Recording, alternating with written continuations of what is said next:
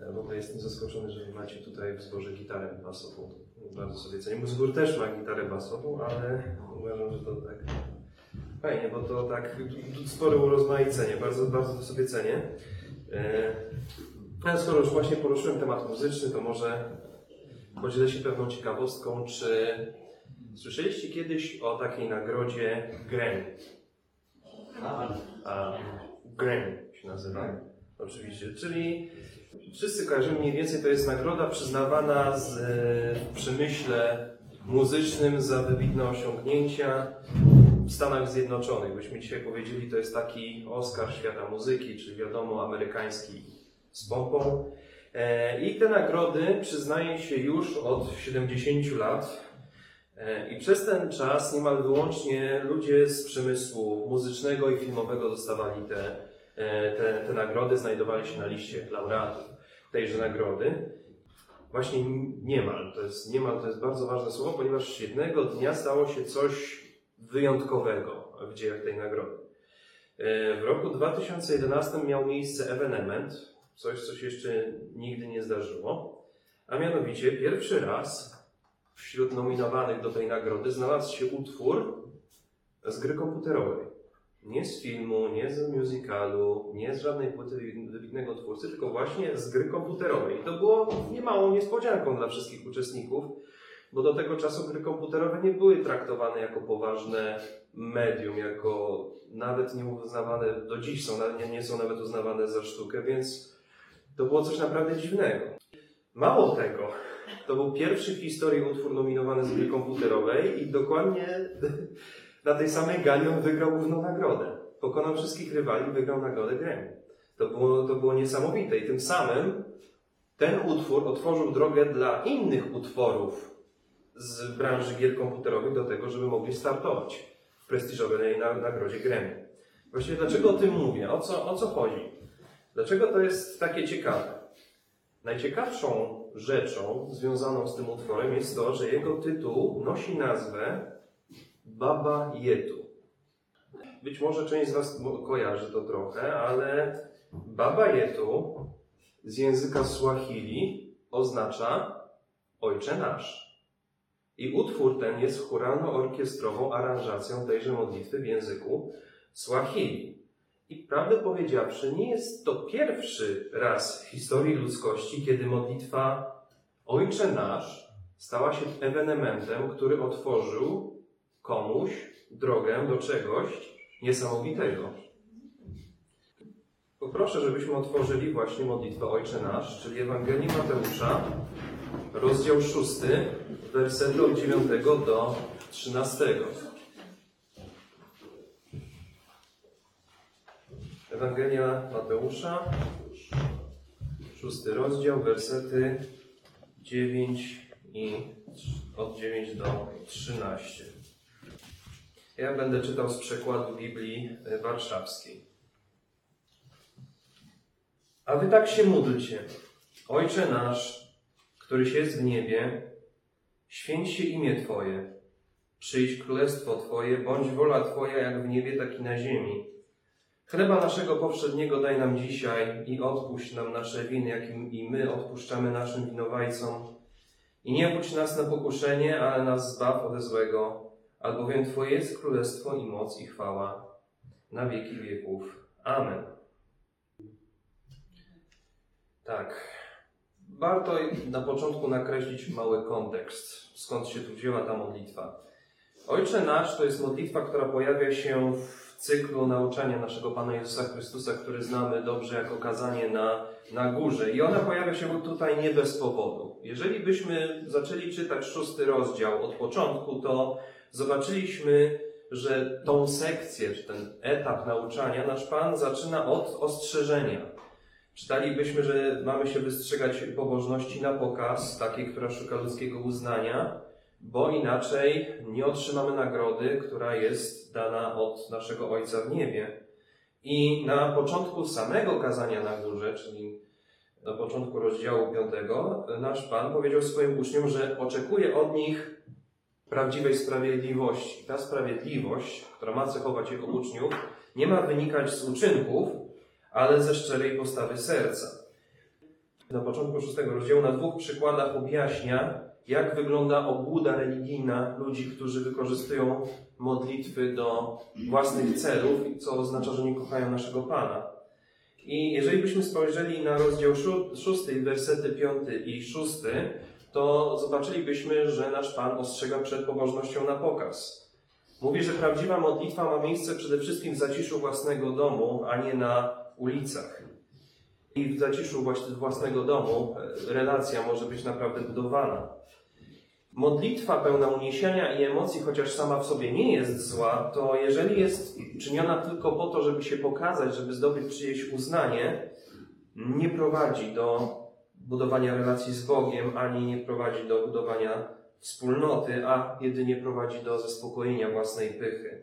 Weźmy może na przykład nabożeństwo niedzielne.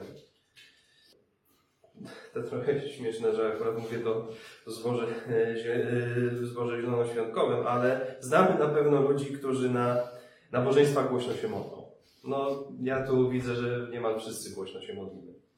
E, I być może jest tak, że zazdrościmy ludziom odwagi tego, że modlą się na głos. Być może my sami nie mamy takiej, takiej śmiałości i sami mamy może pragnienie takie wewnątrz, żeby na głos uwielbiać Boga. I właśnie pytanie, które powinniśmy sobie zadać wtedy, jeżeli mamy to takie poczucie, to to, czy ja chcę wielbić Boga swoją modlitwą na głos, czy chcę się modlić dlatego, ponieważ inny brat czy siostra modli się na głos? Czy może ja chcę się poczuć wyróżniony? Czy jeżeli mam takie pragnienie, a nie modlę się po cichu w domu z Panem Bogiem, to być, to, czy to być może nie jest właśnie sygnał dla mnie do tego, żeby najpierw zadbać o to, żeby budować relacje z Bogiem w domu, a nie modlić się na głos w zborze, żeby zbudować swoje ego. Ludzie, którzy właśnie modlą się na głos, ale modlą się dlatego, żeby zaimponować, żeby pokazać siebie, no pokazują, że wielbią samych siebie w miejscu uwielbienia Boga.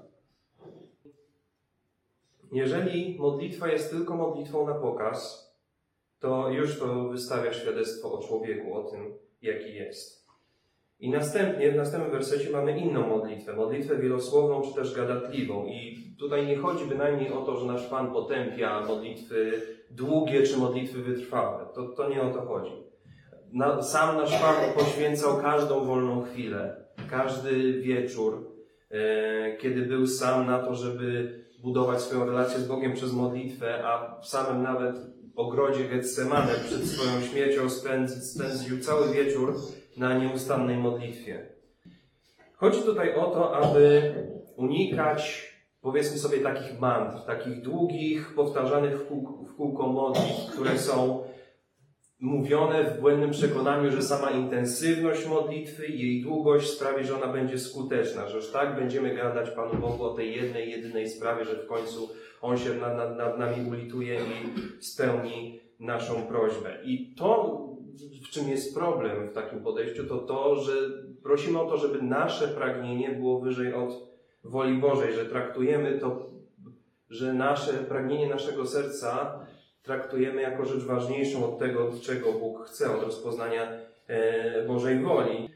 Ja patrzę też po sobie, że nieraz zdarzało się tak, że modliłem się o coś usilnie, miałem takie głębokie pragnienie, żeby Pan Bóg e, coś dla mnie zrobił i modliłem się o to codziennie po kilka razy. Ponieważ tak bardzo tego chciałem, ale potem się zastanawiałem, no co, ze mną, co mną wtedy kierowało. Czy kierowało mną to, że ja chciałem Boga uwielbić, czy kierowało mną to, że że po prostu, że chciałem, w kółko powtarzałem jakąś mantrę po to, żeby po prostu Bóg w końcu to spełnił. I, i mną, na pewno wtedy nie kierowała mną miłość do Boga, ale być może chciwość, może zrządza, albo może zazdrość. Nasz Pan robi ten wstęp do modlitwy Ojcze Nasz po to, żeby nam powiedzieć, że modlitwa, którą kierujemy do Boga, ma być przemyślana, ma być szczera, ma być wylaniem naszego serca do Boga, ale nie, a nie próbą wyhandlowania sobie korzyści w stylu, że ja, Panie Boże, pomodlę się dłużej, poświęcę się, a Ty wysłuchaj to, co mam Ci do, do powiedzenia i to spełni. Ale nie taki jest nasz Bóg. Nie taki jest nasz Bóg. Więc jaki jest? Jaki jest nasz Bóg? Nasz Pan właśnie mówi o tym w modlitwie Ojcze Nasz. I po tym, jak powiedział, jak nie należy się modlić, czym nie należy się kierować w modlitwie, przechodzi od razu do, do tego, jaka powinna być modlitwa. I modlitwa Ojcze Nasz to yy, jest wzór tego, jak powinna wyglądać modlitwa. Ona sama w sobie jest bardzo dobra, natomiast to, co jest w niej takie, takiego naprawdę wyjątkowego, to jest po prostu wzorzec każdej modlitwy, jaką powinniśmy kierować do Boga. Są tam pewne punkty, o których musimy pamiętać, kiedy kierujemy się do Boga, o których powinniśmy pamiętać, kiedy, kiedy spotykamy się z naszym e, Ojcem w modlitwie. I ewenementem na skalę całej Biblii jest to, że tutaj po raz pierwszy człowiek może się zwrócić do Boga Ojcze. Wcześniej, w całym Starym Testamencie, nikt nigdzie nie zwrócił się do Boga Ojcze. To znaczy, koncepcja Boga jako Ojca istniała jak najbardziej. W Księdze Wyjścia, kiedy e, Mojżesz przychodzi do faraona, powtarza słowa Boga, który, który mówi: Wypuść mego syna, aby, aby mi służył. Zatem to było znane w, księdze, w księgach prorockich, jak na przykład w księdze Ozeasza, czytamy o tym, że gdy Izrael był chłopcem, pokochałem go i z Egiptu wezwałem mojego syna.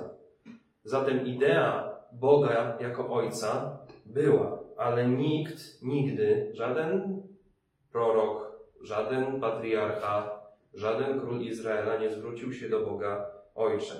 I wa ważne jest to, by podkreślić, dlaczego nasz Pan w ogóle zaczyna modlitwę od słów Ojcze nasz. Co ten zwrot oznacza? Bo ważne jest to, żeby sobie powiedzieć, że to jest Ojciec nasz. Zatem jest to modlitwa, która wskazuje na to, że my, jako dzieci Boże, jesteśmy częścią większej grupy.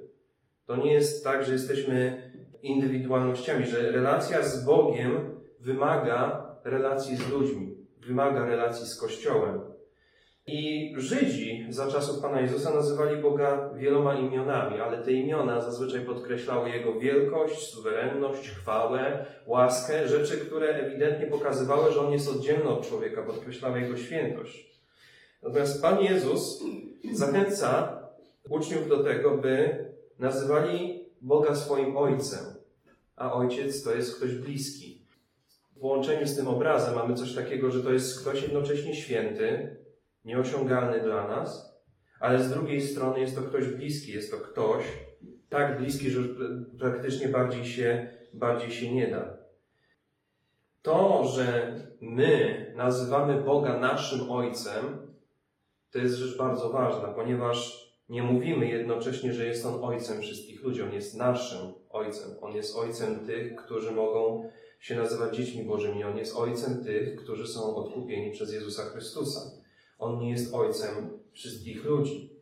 Zatem ci, którzy odrzucają Boga, odrzucają też to, że jest On ojcem. Ci, którzy odrzucają Ewangelię, odrzucają to, że Bóg jest ojcem. I jednocześnie to oznacza, że ludzie, którzy tak robią, nie mają prawa modlić się tymi słowami. Nie mają prawa nazywać Boga swoim ojcem. I to jest kluczowe.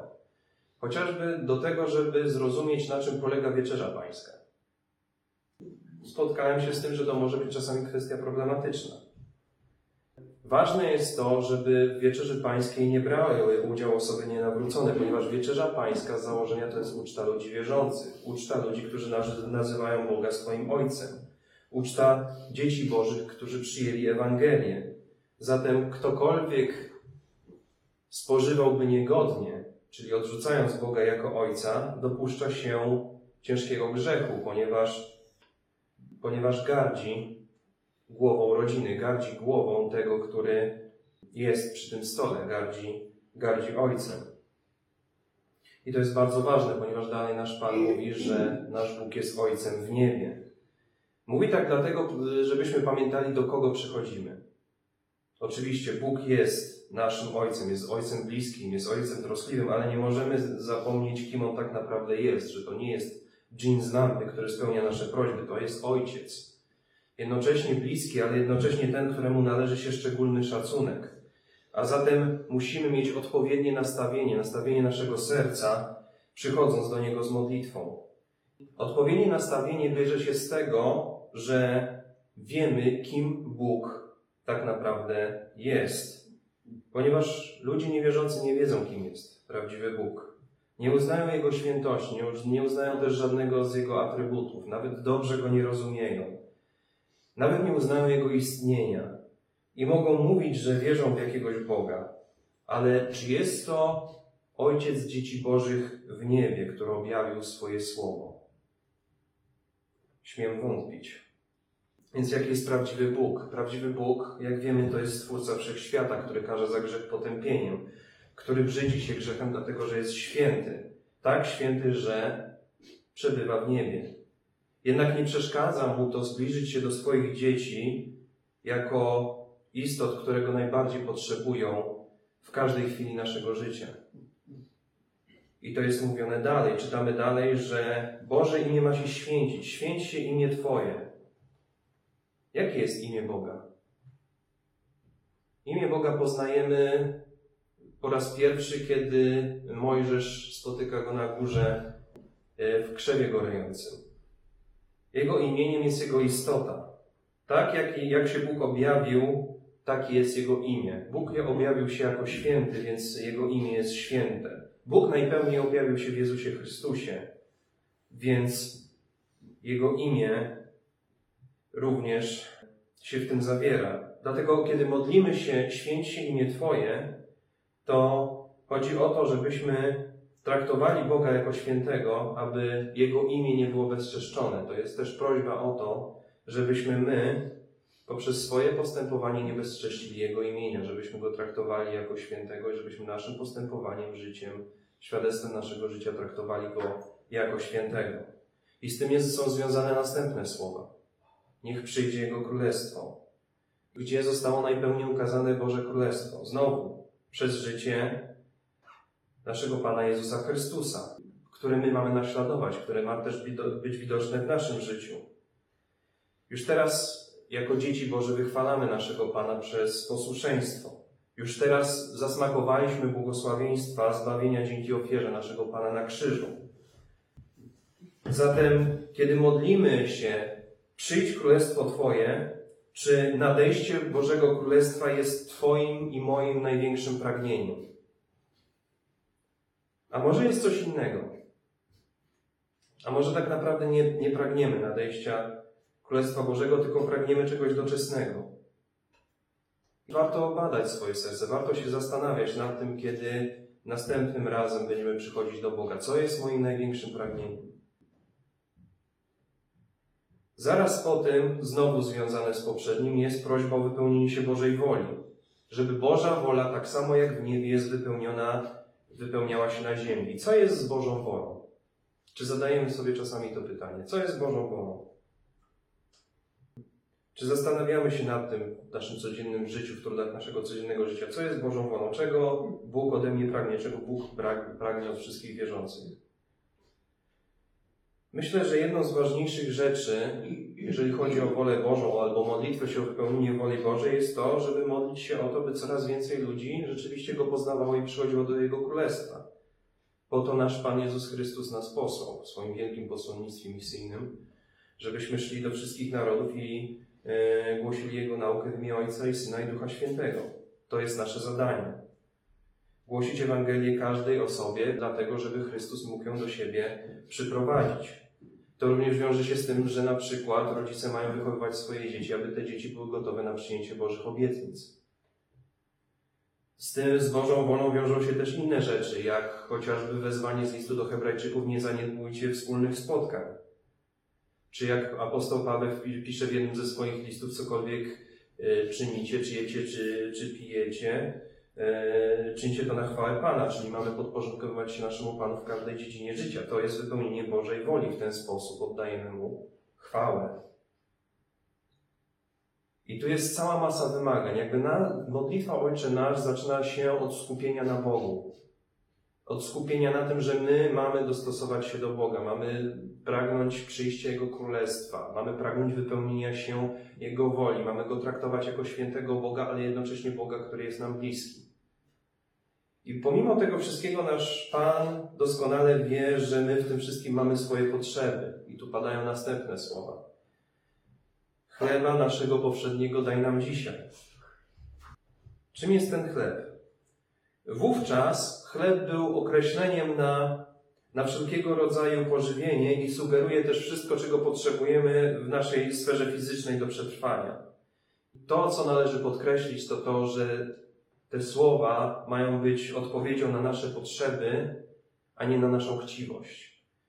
Ponieważ wyraźnie czytamy, że chleba naszego powszedniego daj nam dzisiaj, co oznacza, byśmy tak sparafrazowali dzisiaj, Boże, proszę daj mi to, co jest mi potrzebne na dzień dzisiejszy i pozwól mi przeżyć każdy nadchodzący dzień. I dla nas dzisiaj, żyjących w Polsce w XXI wieku, e, problem z otrzymaniem takiej pełnej podstawy do przeżycia, czyli jedzenia, ubrania taku nad głową, nie jest problemem. Brak tego jest dla wielu z nas abstrakcją. A myślę nawet, że dla wszystkich nas zgromadzonych jest abstrakcją to, że możemy nagle to wszystko stracić.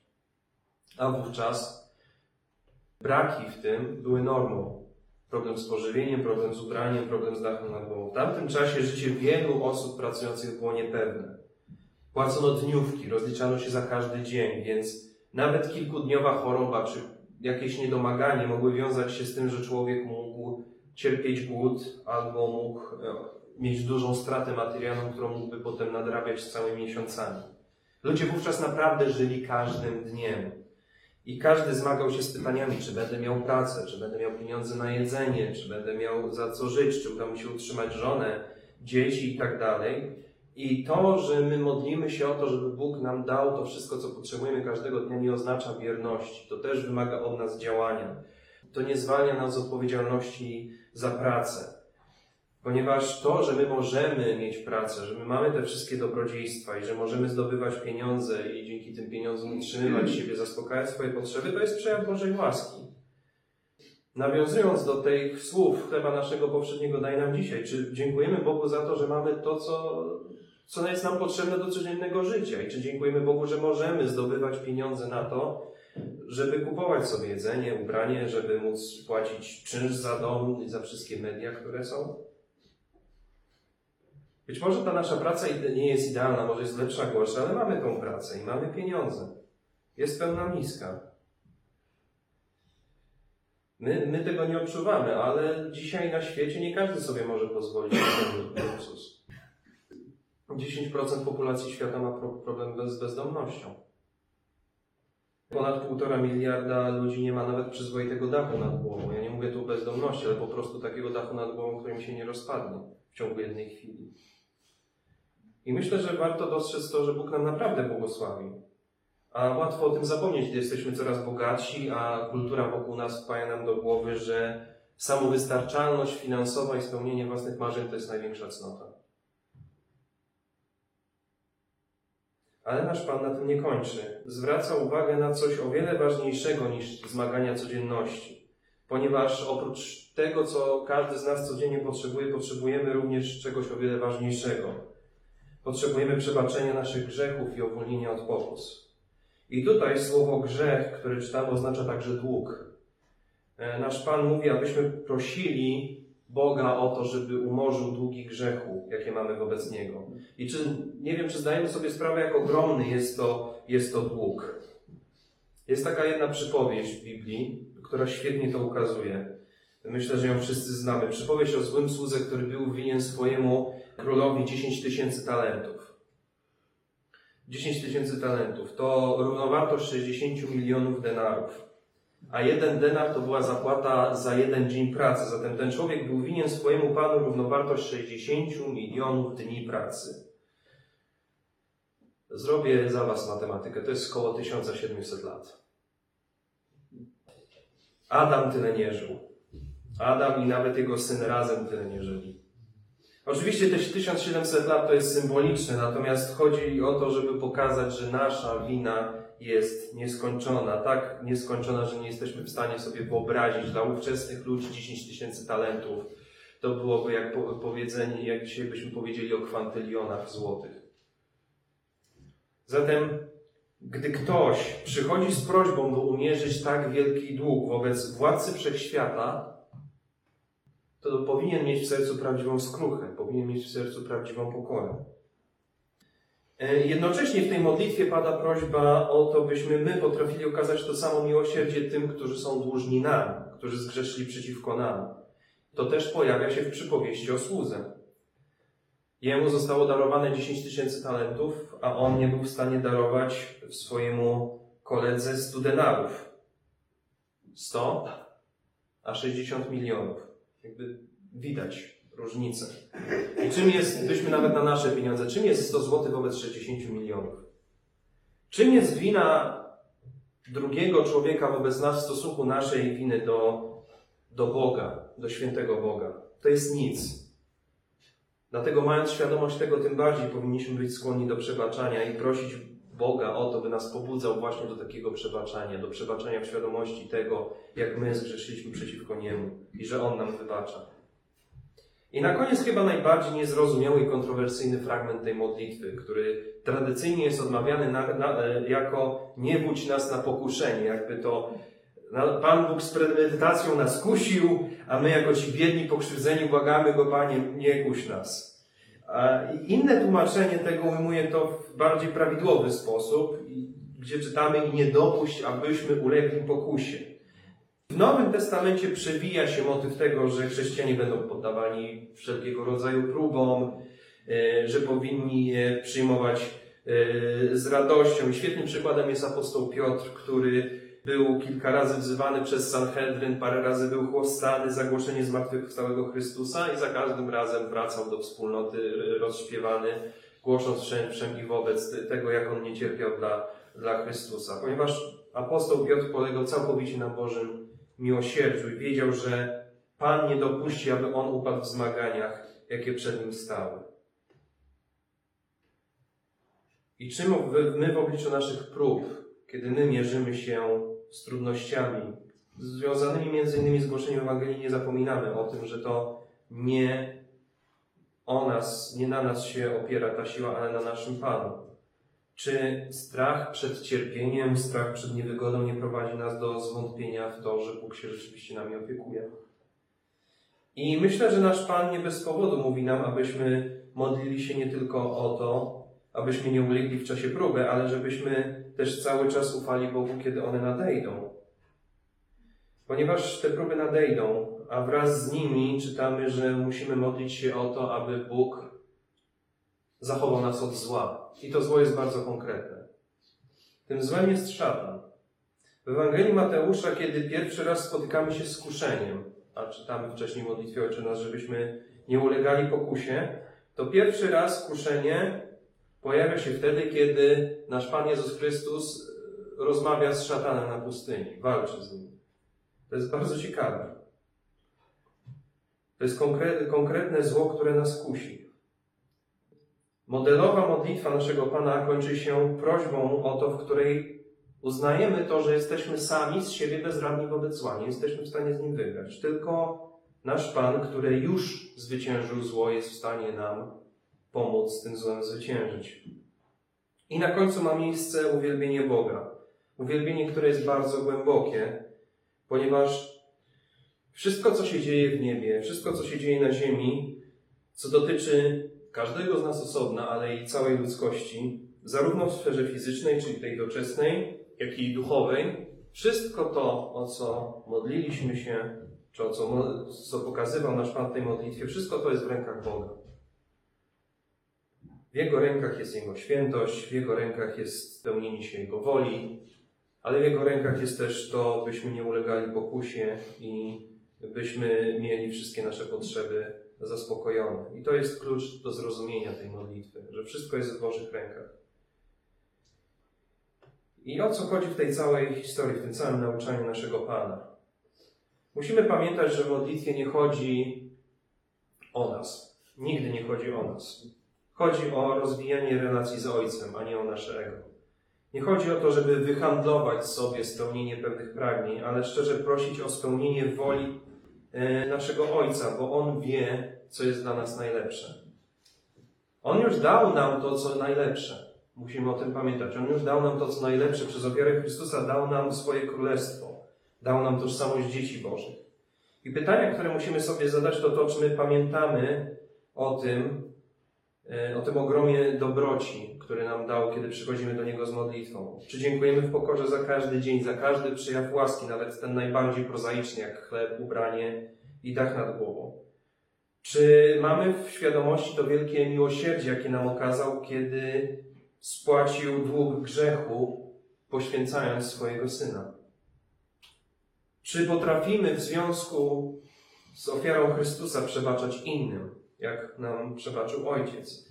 I czy pragniemy tego, by Jego wola, a nie nasza ostatecznie się wypełniła? Czy ufamy Mu, że obroni nas przed pokusami grzechu w czasie próby, czy że obroni nas przed złem, które jest potężniejsze od nas? Ale przede wszystkim pamiętajmy od tego, od jakich słów nasz Pan zaczął tą modlitwę. Zaczął od czegoś niesamowitego, od ewenementu na skałę całej Biblii, gdzie pierwszy raz ludzie miłujący Boga, ludzie wierzący, mogą nazwać świętego Boga swoim Ojcem i korzystać ze wszystkich przywilejów, jakie są z tym związane. Ponieważ przez wiarę staliśmy się dziećmi Bożymi, mamy udział w ciągle rozrastającym się Bożym Królestwie. Możemy doświadczać Bożej mocy i doświadczać Bożych błogosławieństw. Patrząc na Boga w ten sposób, będziemy mieli rzeczywiście odpowiednie nastawienie, gdy będziemy przychodzić do Niego z modlitwą. E, I na koniec zachęcam Was, bracia i siostry, myślę, że okazja jest ku temu dobra, e, żebyśmy powstali